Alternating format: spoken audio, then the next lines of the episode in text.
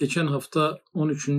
lemanın birinci işaretini okumuştuk. Şeytandan Allah'a sığınmanın hikmetleri, şeytanın yaratılma hikmetleri, bu kadar zayıf bir varlık olmasına, bu kadar fizik alem üzerindeki etkisizliğine rağmen neden bu kadar bir tehlike oluşturduğunu, Cenab-ı Hakk'ın kullarını mukaddes kitaplarla, peygamberlerle, dualarla, kendisiyle hatta mümin kullarını destekleyecek kadar şeytanı ciddiye alınmasının sebeplerini konuşuyoruz. 13. lema şeytandan Allah'a sığınmanın hikmetleri.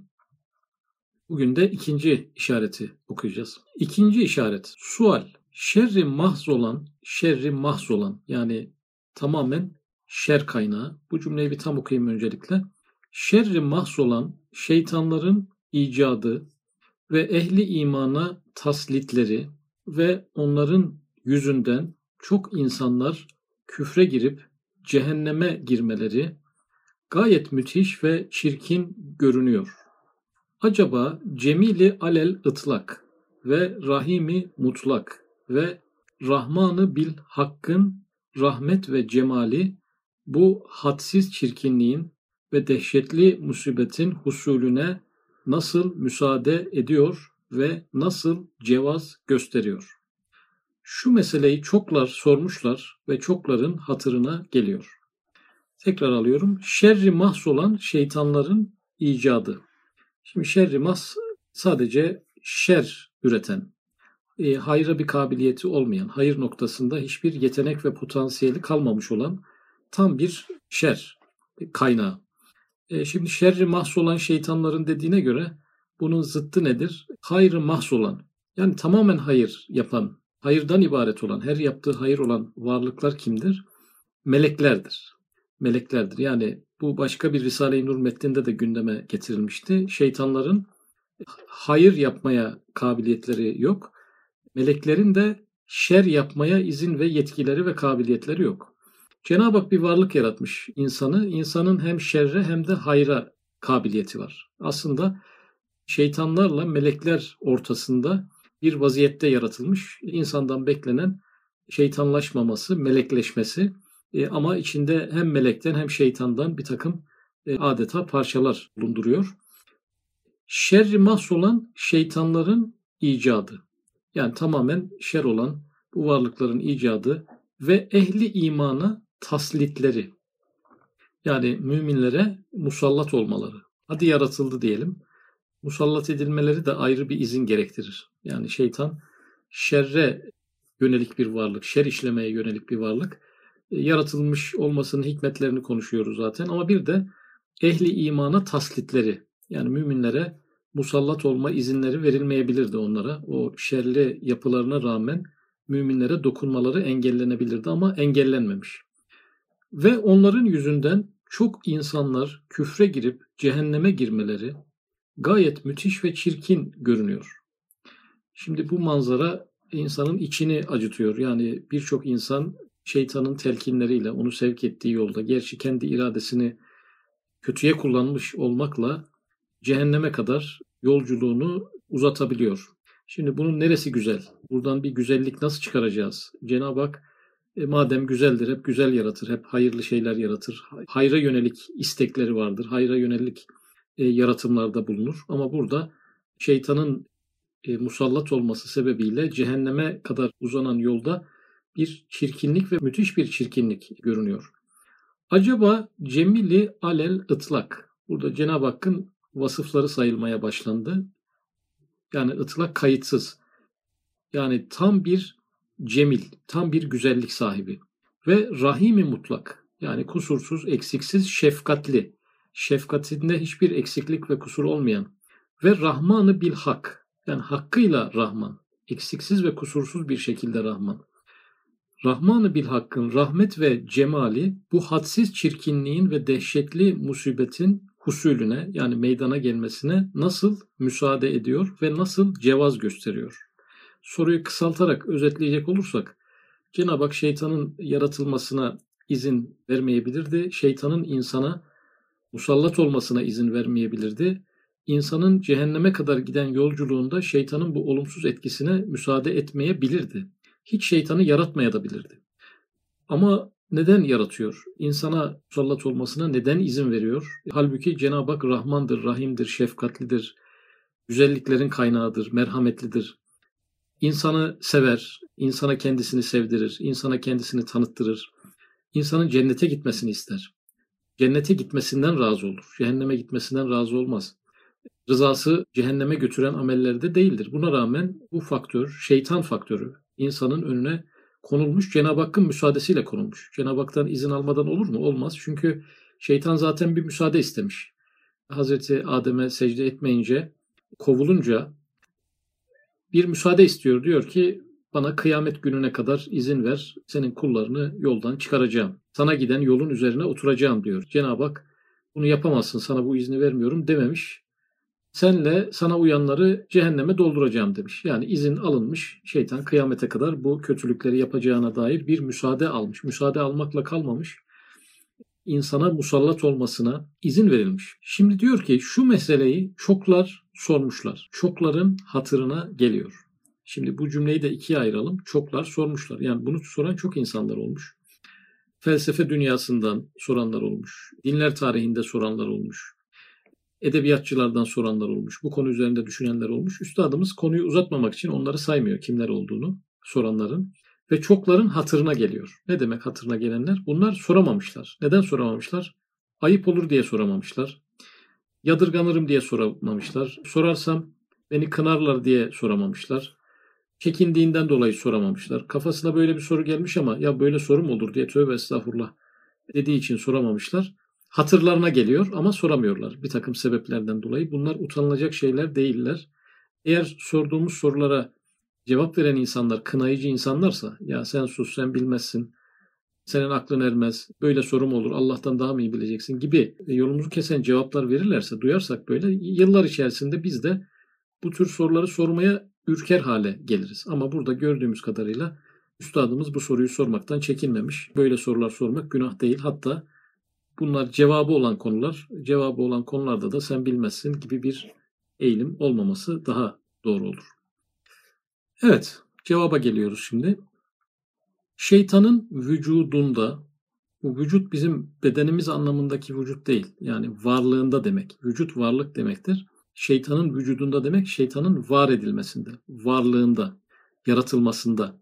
Cüz'i şerler ile beraber birçok makasıdı hayriyeyi külliye ve kemalatı insaniye vardır.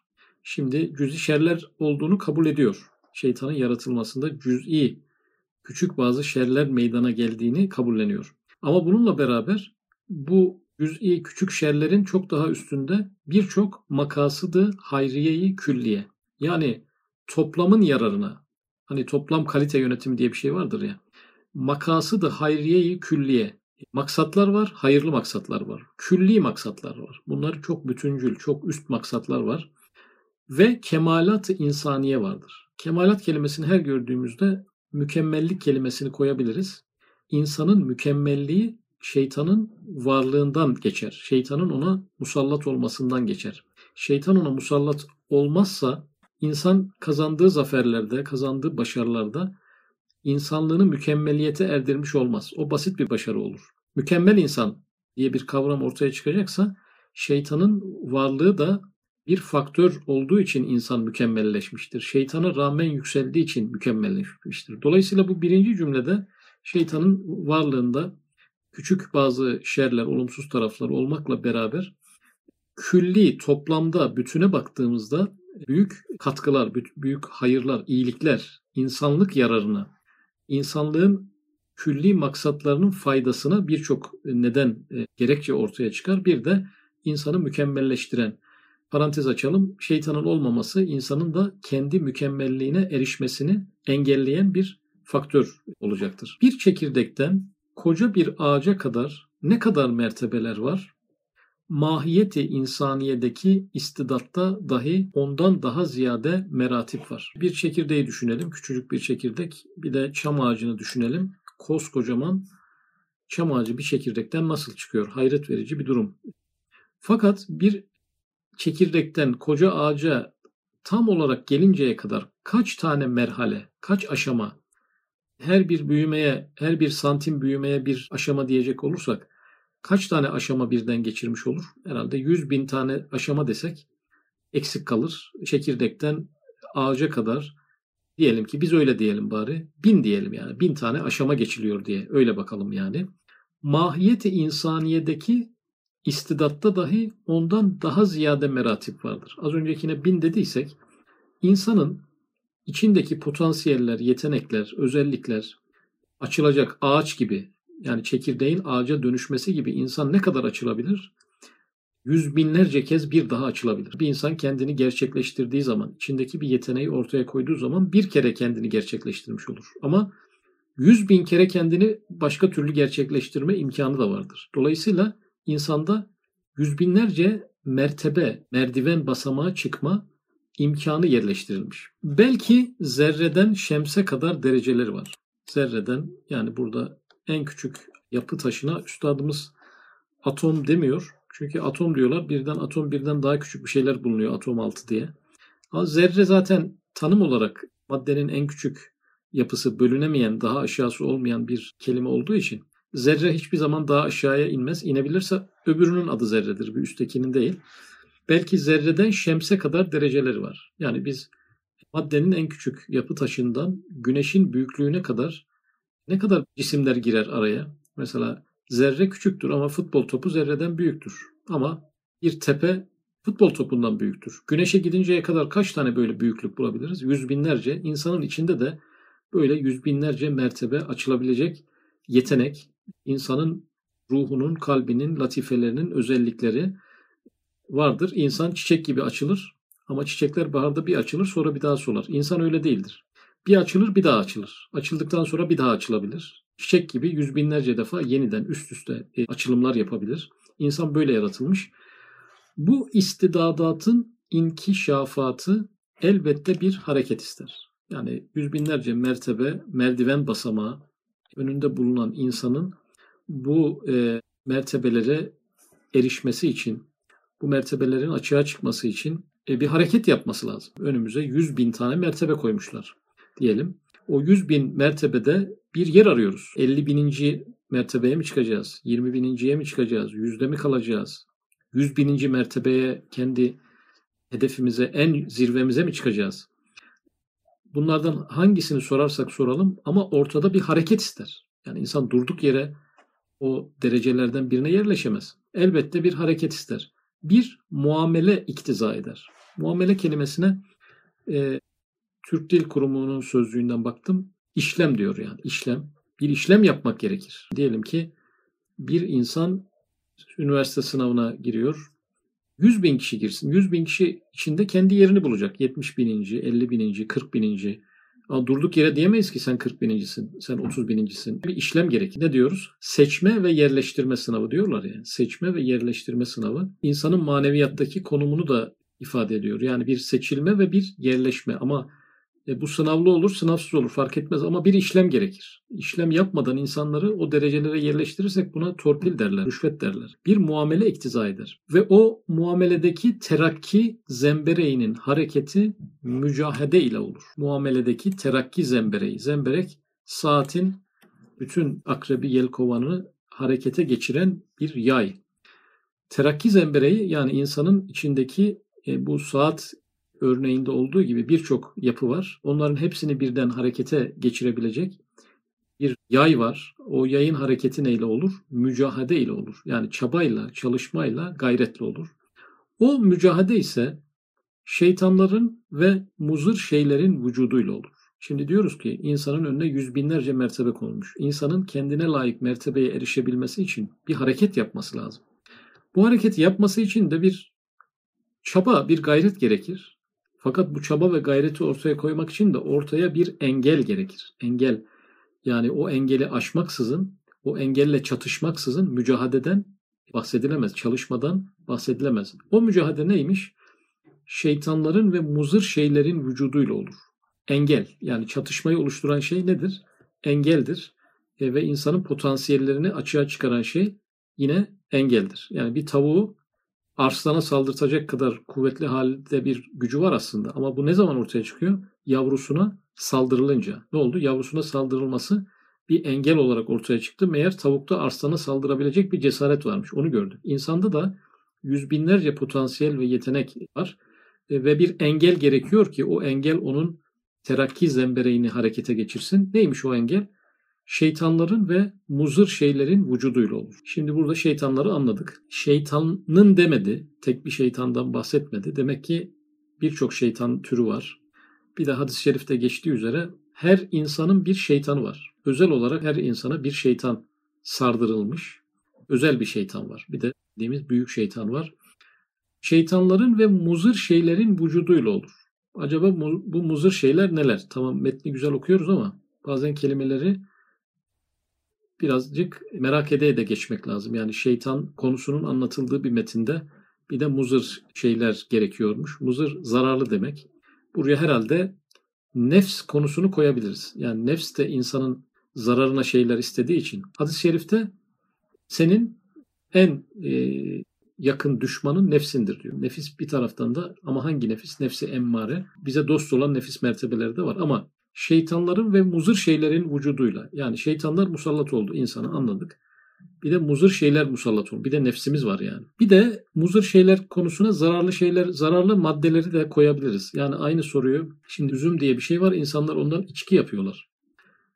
Veya bir takım bitkilerden uyuşturucu yapıyorlar. Sigara üretiyorlar. Şimdi zararlı hale gelebilen maddeler var tabiatta. insana zararlı. Cenab-ı Hak bunları da yaratmayabilirdi. Ama onları da aynı kategoride görmemiz lazım. Yani bugünkü dersin şeytanla ilgili hikmetleri her nelerse nefsin yaratılma hikmetleri de onlar. İnsana zararı dokunabilecek bitkilerin, bazı maddelerin yaratılma hikmetleri de yine aynı şey, aynı konu. Yoksa melaikeler gibi insanların da makamı sabit kalırdı. Melekler çok yüce varlıklar, tertemiz, hiç günah işlemiyorlar. Yeme içme yok. Sadece ibadetten lezzet alıyorlar. Kimi melekler var ki secdedeler. Hiç hayatı boyunca secdeden kalkmamışlar. O kadar secde vazifesi var onlarda. Kimileri rükudalar. Hiç hayatı boyunca başka bir şey yapmamışlar. Hep rükudalar. Günahımızı sevabımızı yazan melekler var. Kabirde bize sual soracak olan melekler var. Yağmuru yağdıran melekler var. Vahiyi getiren melekler var. Ama bu melekler 100 bin yıl sonra da gitsek o melek aynı görevi yapıyordur. O görevden bir çıkarım yapıp bir keşif yapıp bir üst göreve geçmemiştir. Mertebe atlamamıştır. Ona bir yaptığı hizmetlerden ürü bir rütbe yükseltilmesi, yeni bir vazife verilmesi, kendini aşmış olduğundan dolayı daha özel bir mükafata erişmesi gibi bir şeyler olmaz. Meleklerin makamlarının özelliği nedir? Sabittir. Yani melekler sabit e, makamı olan varlıklardır. Peki melekler ne kadar sayıdadır? Kainatın tamamını kaplayabilir. Rakamlarla yazılamaz. Bir e, ağaç bile, bir ağacın üzerinde bir meyve bizim için meyvedir ama meleklerin mescidi olduğunu Üstad Hazretleri bir yerde söylüyor. Belki bir ağaçtaki melekleri bile biz sayamayız yani. Sayamayız. Demek ki artık böyle varlıklara ihtiyaç yok. Makamı sabit olan, ilerlemeyen, geriye gitmeyen, hep ibadet eden bu tür varlıklara yeterince var. Alabildiğine var. Sonsuz sayıda var. Cenab-ı Hak isteseydi insanları da melekler alemine ekleseydi melekler aleminde bir artış bile olmazdı. Yani sonsuza bir şey eklemek sonuçta yine e, sonsuzdur. Melaikeler gibi insanların da makamı sabit kalırdı. Eğer şeytanlar insana musallat olmamış olsaydı, muzır şeyler yaratılmamış olsaydı, insan maça hangi formayla, hangi numarayla başlamışsa ölünce de aynı noktada mevzuyu kapatırdı. Yükselemezdi, alçalamazdı da ayrı bir mevzu. Ama aynı mertebede hayata gelir ve hayattan ayrılırdı. O zaman şu soru sorulurdu. İnsana ne gerek vardı? O halde insan nev'inde binler enva hükmünde sınıflar bulunmayacak. Şimdi eğer şeytanlar ve muzır şeyler musallat olmayacaksa insanlar arasında sınıflar bulunmayacak. Yani evliya, asfiya, mukarrabin öyle kategoriler yapamayacağız. Nefsi emmare, nefsi levvame, nefsi mülhime, radiye, mardiye gibi nefis mertebelerinde sınıflanmalar yapamayacağız. İyi insan, kötü insan diye bir şey diyemeyeceğiz. Hazreti Bekir'le bu cehile aynı diyeceğiz. İkisine de şeytan musallat olmamış. İkisi de normal oda koşullarında diye bir tabir var ya. Herkes iyidir yani. Bir kötü noktada bir kötülük yapma imkanı olmayınca ne olurdu? Sınıflar bulunmayacak. İnsanların kategorileri oluşmayacak.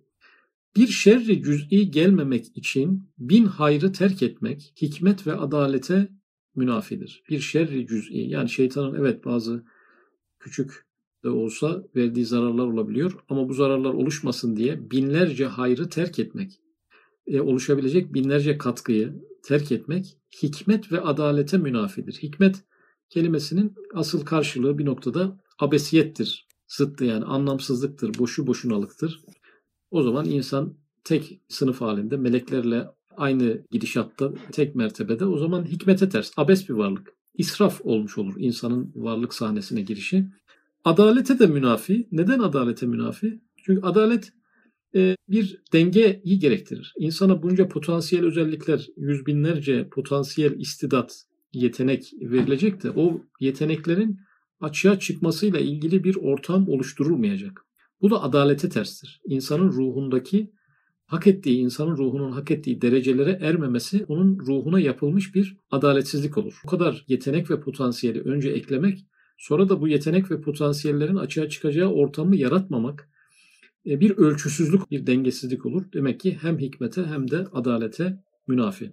Rahmet ve hikmet ve adaleti ilahiye diyor. Yani rahmet Cenab-ı Hak şefkatli olmasına rağmen, hikmetli olmasına rağmen, adaletli olmasına rağmen şeytanın vücuduna yani varlığına müsaade edip bir, müsaade etmesi. iki tasallutlarına yani musallat olmalarına da meydan vermesinin sebebi kişi o yüz binlerce mertebeyi kat edebilsin diye. Çünkü musallat olmasalar kişi en üst mertebeye çıkabilecek bir potansiyeli olsa bile herhangi bir mertebeye çıkma eğiliminde olmayacak, çıkamayacak. Çıkma gücü olduğu halde çıkamayacak. Neden? Engelsizlikten, çatışmasızlıktan, herhangi bir varlığın musallat olmayışından ötürü kendisi aynı mertebenin insanı gibi Hazreti Ebu Bekir ile Ebu Cehil oralarda aynı seviyelerde dolaşacaklar.